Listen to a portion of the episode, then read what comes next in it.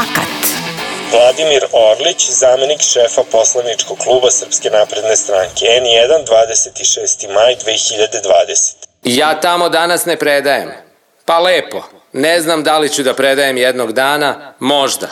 Danas ne predajem. Danas nemam. Imao sam.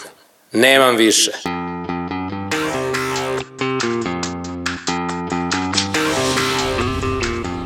Slučaj nezakonitog zapošljavanja u Visokoj medicinskoj školi u Ćupriji privukao je veliku pažnju javnosti 2018. godine, kada je istraživačka mreža BIRN objavila dokumentaciju koja dokazuje da je inspekcija Ministarstva prosvete angažovanje funkcionera SNS Vladimira Orlića i Aleksandra Martinovića kao predavača u ovoj školi ocenila kao nezakonito. U nedavnom gostovanju na TV N1 Orlić je negirao da je zaposlen u ovoj školi. Sutradan, Birni je objavio dokumentaciju koja pokazuje da je Orlić angažovan kao predavač na master studijama za školsku 2019-2020 godinu. U zapisniku sa sednice se navodi da je Orlić stručni saradnik na master studijama na predmetu primjena informacijono-komunikacijenih tehnologija u zdravstvu. Zbog toga, izjavu Vladimira Orlića da trenutno nije zaposlen u Visokoj medicinskoj školi u Ćupriji istinomer ocenjuje kao neistinu. Aleksandar Vučić, predsednik Srbije, pismo penzionerima, maj 2020. godine.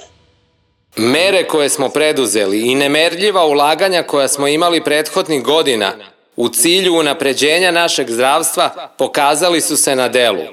Na primer, povećanje plata lekarima i medicinskim sestrama od prosečno 50%, novi klinički centar u Nišu, kliničko-bolnički centar Dragiša Mišović, 14.000 novozaposlenog medicinskog osoblja u poslednje tri godine.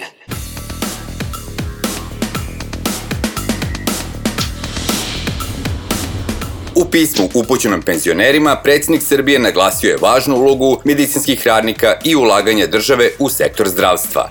Istinomer je došao do informacije da je deo o platama lekara i medicinskih sestara koje su povećane za oko 50% tačan.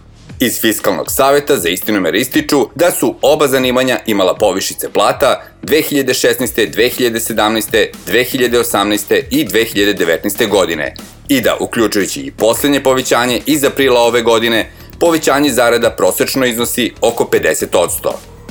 S druge strane, prema podacima Batuta, ne vidi se porast novozaposlenih. Brojke iz Centralnog registra obaveznog socijalnog osiguranja pokazuju da je od decembra 2016. godine, zaključno sa decembrom 2019. broj zaposlenih u zdravstvu zapravo smanjen za oko 1800 ljudi. Budući da je deo izjave da su plate lekara i medicinskih sestara povećane za oko 50% tačan, ali da su u drugom delu izjave da je u zdravstvu zaposleno 14.000 novih radnika, zašto i nema javno dostupnih podataka, zanemaruje broj kadrova koji su napustili naš zdravstveni sistem, izjavu predsjednika Vučića ocenjujemo kao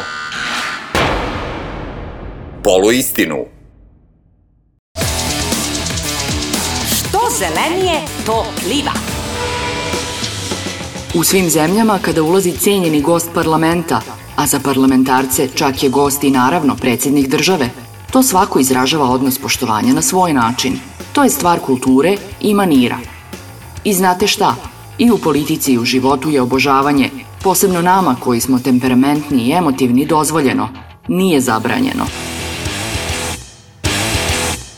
Slavica Đukić-Dejanović, podpredsednica Socijalističke partije Srbije, Insajder 8. jun 2020.